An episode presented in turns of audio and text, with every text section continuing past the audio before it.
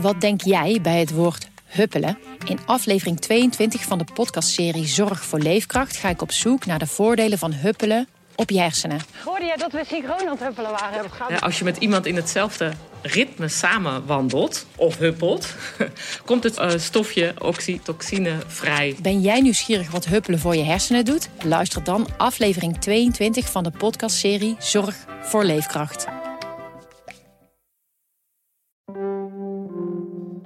De energiecrisis, de stikstofcrisis, de klimaatcrisis. Je kunt er neerslachtig van worden, maar dat doen we niet. Mijn naam is Nienke Zoekbrood. En ik ben Hanne van der Wurf. En dit is De Klimaatkwestie, de groene podcast van Trouw. Samen onderzoeken we wat er speelt en wat we doen om ervoor te zorgen dat de aarde niet vergaat.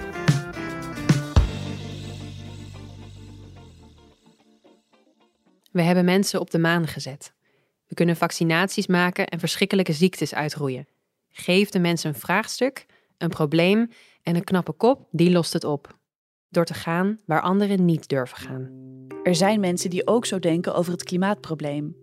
Wat als het niet meer nodig is om de uitstoot terug te brengen, maar we klimaatverandering kunnen oplossen met grootse technische uitvindingen? Wat als de mensheid de opwarming van de aarde kan remmen door de zon te dimmen? Sommige mensen proberen dit al. Hi, my name is Andrew Som. I'm the co-founder of MX Sunsets. We launch reflective clouds into the stratosphere to cool Earth. The eventual mission of Make Sunsets is to reverse global warming. It works by copying what volcanoes have been doing for millions of years. Begin 2023 lieten twee jonge mannen in de Verenigde Staten ballonnen op, gevuld met zwavel, om zo de zon een beetje tegen te houden. Kunnen we met dit soort technische snufjes de aarde weer afkoelen? En wie heeft er baat bij deze oplossingen? Om meer te leren over knutselen aan de zon moet je in Delft zijn, op de campus van de Technische Universiteit. Daar ben ik nu, samen met Herman Ruschenberg, een hoogleraar in de milieuwetenschap. Hij heeft zijn werk gemaakt van het turen naar regenwolken. En kunnen we, kunnen we over het hek heen om, om echt te kijken? Ja, natuurlijk. Als je lenig genoeg bent, dan kan dat. Even kijken hoor. Nou, daar bij, bij het Nummer hier. Hier zijn wij gewoon eroverheen? Ja, eroverheen. Ja, net, net wat je wil. ja, zo. Met één stap is hoogleraar Russenberg over het hekje heen. Hij loopt naar tientallen ronddraaiende machientjes toe. Wat je hier ziet, zijn apparaten. Nou, bijvoorbeeld die drie apparaten hier met die draaiende cupjes hè, die je voor je ziet staan. Die meten de windsnelheid. En dat bekertje naast is dan een regenmeter. En die meet hij reflecties aan die wolken. En aan de regen die uit die wolken valt. Die bedoelt het, de, hele achterste bedoel je. Dat zijn stralingsmeters. Oh. Die meten de straling. Dat is uh, zowel de, de, de zonnestraling van bovenaf.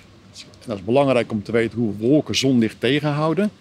Maar ook de warmtestraling die van de aarde komt. Dus de, de, combinatie van die instrumenten die kunnen wij gebruiken om te kijken hoeveel zonlicht weerkaatsen die wolken en hoeveel warmte houden ze vast. En wat betekent dat voor de opwarming van de aarde?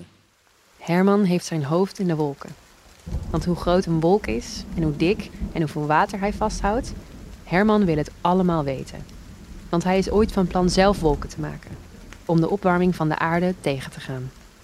Nou, wolken die, die, hebben, die, die koelen de aarde af. Dat doen ze van nature al. Dat is eigenlijk heel, heel simpel gezegd. Dus, dus alle, elke zonnestraal die nu door een wolk weer weerkaatst, komt niet op de grond. Dus zal ons en ons niet bereiken. Dus wij, zullen het koud krijgen als die zon achter die wolken blijft zitten. En waar we ook in geïnteresseerd zijn, is van uh, als dat effect er is van wolken weerkaatsen zonlicht, kan je dat ook zelf beheersen. Hè? Kan je daar gebruik van maken? Hè? Kan je dat manipuleren hè? Op, een of andere manier, zodat je mocht de aarde te warm worden, die afkoeling weet je kan versterken. Door wolken weer te veranderen, waardoor ze alsnog meer uh, zonlicht gaan weerkaatsen.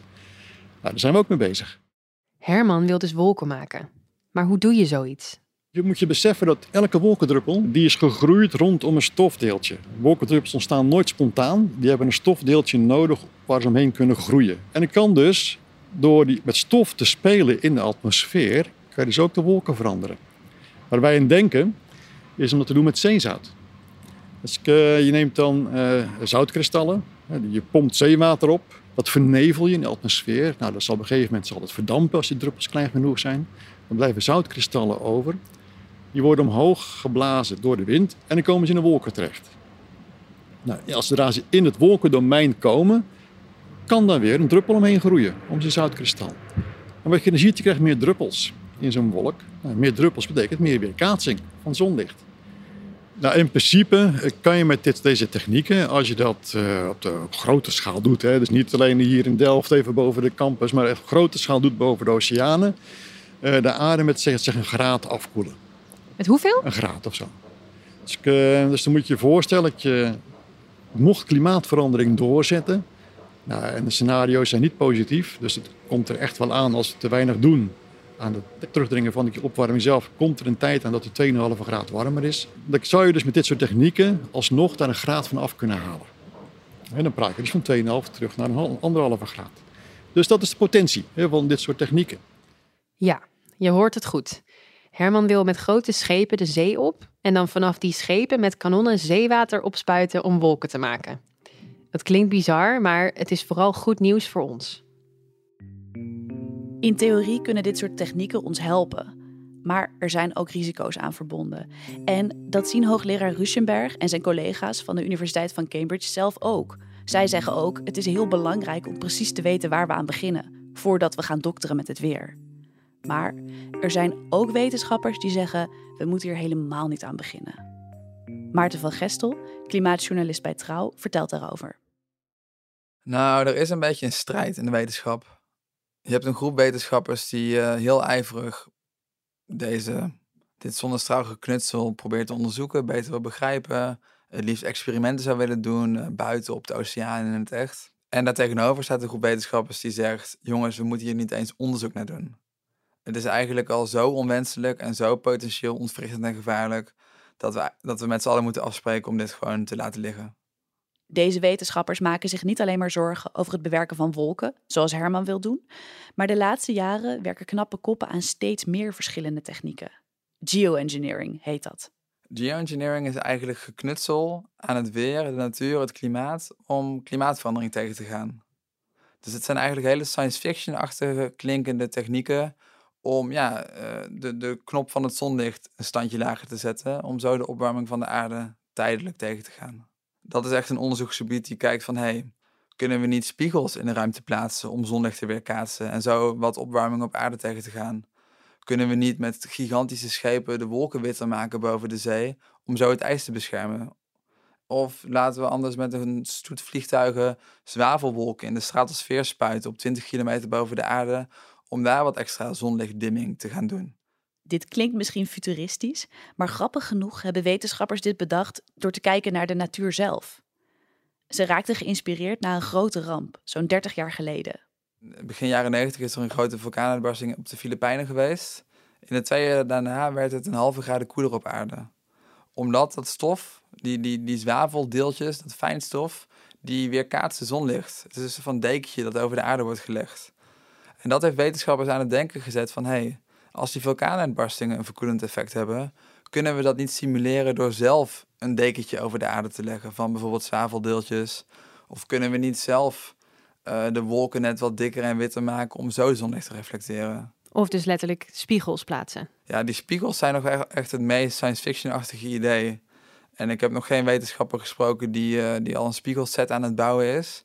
Maar ik heb wel gehoord dat waar tien jaar geleden werd gedacht dat het echt nog ja, krankzinnig was dat nu steeds meer mensen wel serieus aan het onderzoeken zijn van hé, hey, wat zou dat eigenlijk kosten met die spiegels en hoeveel zonlicht zouden we dan eigenlijk tegenhouden? En hoe, hoe serieus worden die andere methodes onderzocht? Nou, wel serieus. Ik bedoel, uh, de Harvard Universiteit, misschien wel de meest prestigieuze universiteit ter wereld, heeft een heel groot onderzoeksteam dat puur op dat zonnestraalgeknutsel zit.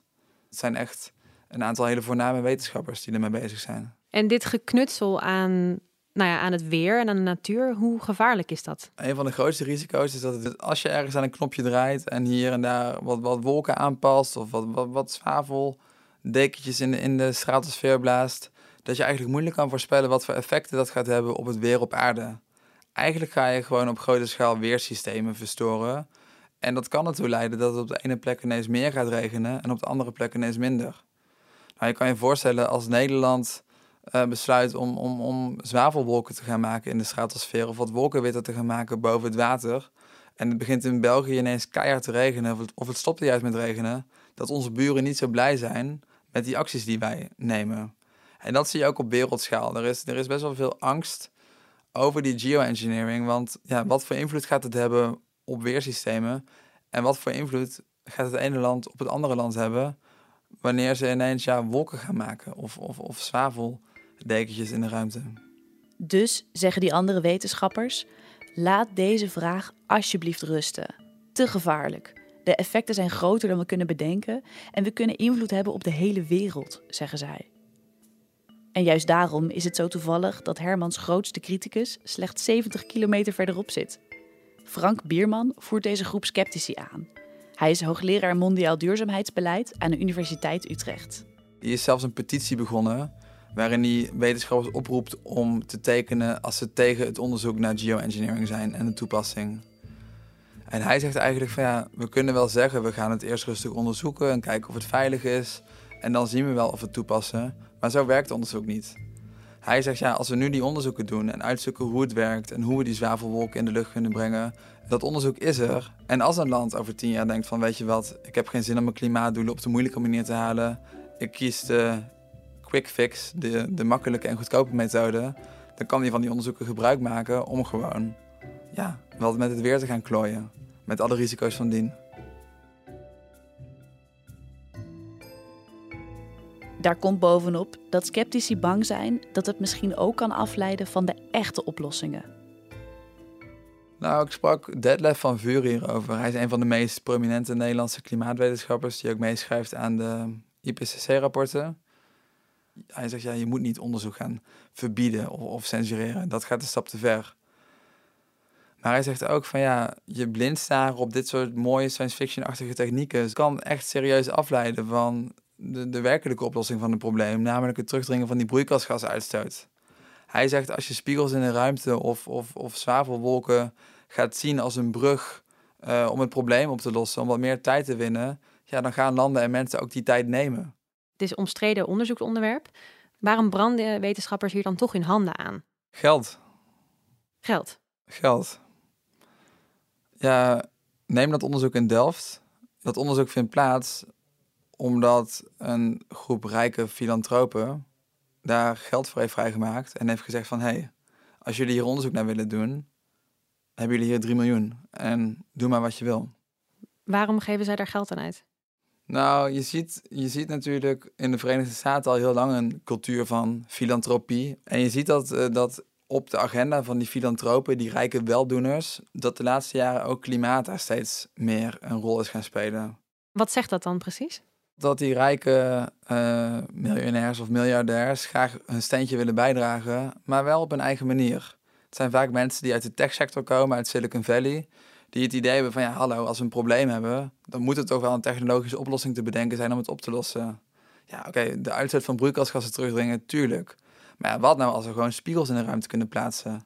Wat nou als we met een vloot van raketten zwavel in de atmosfeer kunnen brengen om zonlicht tegen te houden? Wat als we met een soort van mega pompsystemen alle CO2 uit de lucht kunnen zuigen? Dat is een heel aantrekkelijk idee in die, in die techbubbel in Silicon Valley. En vandaar dat een best wel grote groep uh, miljonairs en miljardairs relatief veel geld in dat geoengineering onderzoeksveld steekt. En zonder dat geld van die filantropen was er nu ook nooit zoveel onderzoek naar gedaan. En hoe zit dat dan hier in Nederland? Je hebt het over Amerika. Ja, in Amerika is het echt een ding. Daar zie je dus het echt dat, dat misschien wel de belangrijkste onderzoeksgroep naar geoengineering in Harvard, dat die echt mogelijk is bij gratie van het geld van die rijke mensen. Maar in Nederland speelt het ook. Die, die onderzoekers in Delft doen ook onderzoek met geld van rijke Nederlandse filantropen. De, de drie broers Salzer Levy. Een familienaam waar je misschien nooit van gehoord hebt, maar een, een, een hele rijke Nederlandse familie. En die het geld eigenlijk van hun, hun familie willen inzetten, ook om klimaatverandering tegen te gaan. Maar wel op hun eigen originele manier. En wat is hun motivatie precies? Heb jij hun wel eens gesproken? Nou, ik heb een van die broers gesproken, Mark Salzer Levy. Die wil nu het roer omgooien. Die wil uh, minder vlees eten, um, minder vliegen. En uh, ja, zijn geld ook gebruiken om klimaatverandering tegen te gaan. Het begon voor hem, net zoals bij veel mensen, met, met de film van Al Gore, An Inconvenient Truth. Die had hij gezien en hij dacht van, hé hey jongens, hier moeten we wat aan doen. En waar de meeste mensen dat gevoel wel hadden, maar vervolgens niet die stap konden zetten, is hij daar ja, miljoenen tegen aan gaan gooien met zijn broers. En hebben ze dus eigenlijk dat hele onderzoek aan de TU Delft en Cambridge aangezwengeld.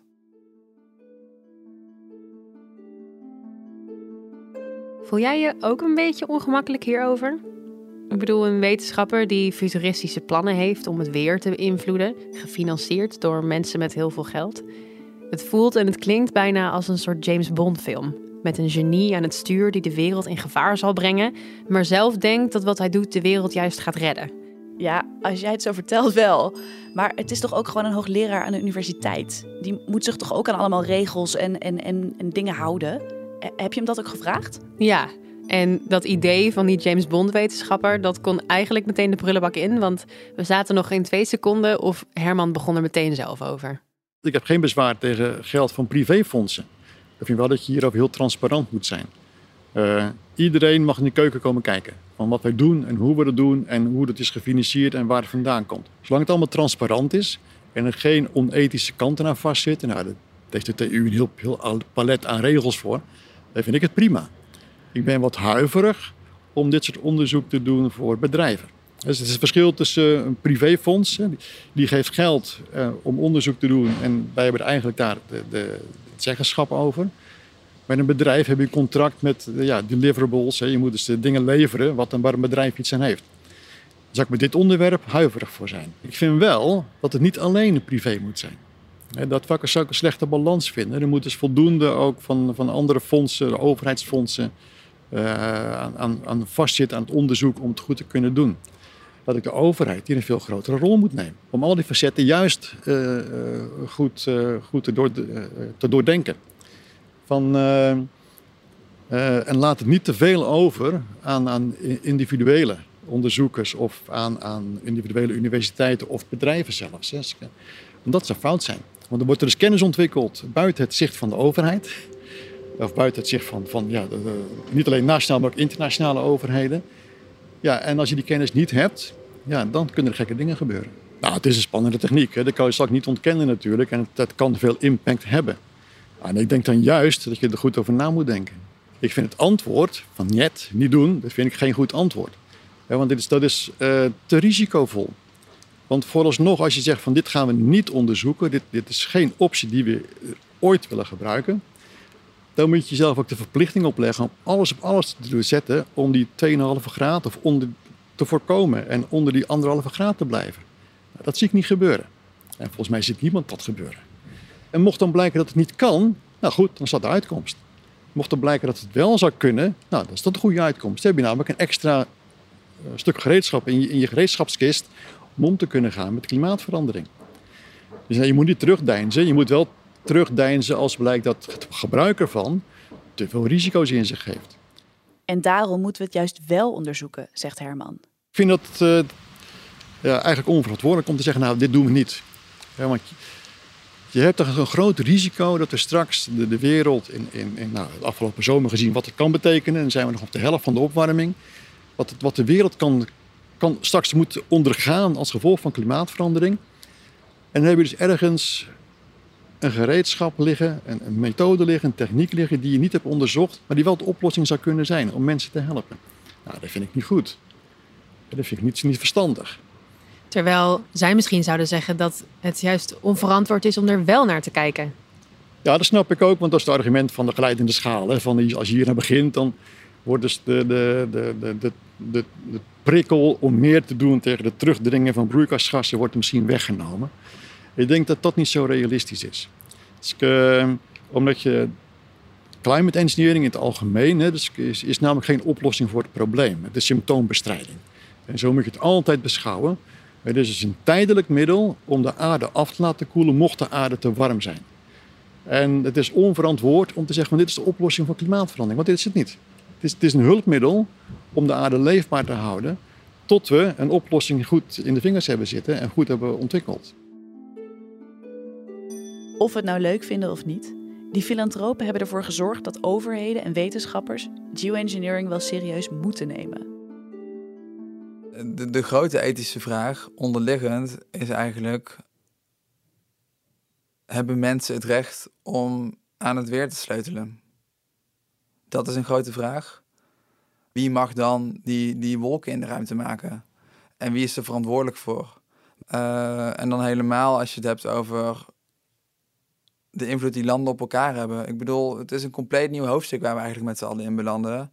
Nooit eerder zijn we grootschalig uh, van plan geweest om, om zwavelwolken in de ruimte te spuiten, om de wolken witter te maken, om misschien zelfs spiegels in de ruimte te hangen. Kunnen landen het daar überhaupt met elkaar over eens worden? En kunnen we dit als mensen überhaupt doen? Uh, zie je wel dat politici daar nu over in gesprek zijn om daar regels over te gaan maken? Of is dat nog helemaal niet aan de orde? Nou, dit jaar begint wel wat te veranderen, denk ik. Er wordt al, zeker na het experiment in Amerika, na die jongens die gewoon zonder toestemming te vragen wat zwavelballonnen de ruimte in stuurden, beginnen overheden ook wel te zien dat ze toch hierover moeten gaan praten. Dus daar zag je wel wat spanningen. Uh, de Verenigde Staten gaat eigenlijk een stap verder en die zegt ook heel nadrukkelijk van ja, wij vinden dat hier meer onderzoek naar gedaan moet worden. We willen dit beter begrijpen, dat, dat geoengineering en wat het kan betekenen en wat de risico's zijn. En je ziet ook dat China hier al langer onderzoek naar doet en ook kijkt van ja, hoe kunnen we dit geopolitiek afspreken? Want ook China zegt van ja, een van de belangrijkste dingen is dat landen voordat ze dit gaan doen, als ze het zouden doen, duidelijke afspraken met elkaar hebben. De Europese Commissie heeft opgeroepen aan landen om hierover met elkaar in gesprek te gaan, om afspraken te maken, om te kijken wat we hiermee willen. En ook bijvoorbeeld de, de milieutak van de VN heeft opgeroepen tot meer onderzoek naar geoengineering en de mogelijke risico's. Dus je ziet dat het steeds meer begint te leven in de wetenschappelijke en politieke agenda. En dat het ook, ja, dat veel politici en wetenschappers er misschien liever niet over zouden praten, maar dat ze er gewoon niet meer omheen kunnen. Dit was de Klimaatkwestie, de groene podcast van Trouw. Hartelijk dank aan Dr. Herman Russenberg van de TU Delft en Maarten van Gestel van de Duurzaamheid en Economieredactie van Trouw. Deze aflevering is gemaakt door Nienke Zoetbrood en door mij, Hanna van der Wurf. Eindredactie is in handen van Charlotte Verlauw. Vond je dit een leuke aflevering? We werken hard door aan een nieuwe. Wil je reageren of heb je een tip over een andere klimaatkwestie? Mail ons dan op audio.trouw.nl. Tot de volgende keer!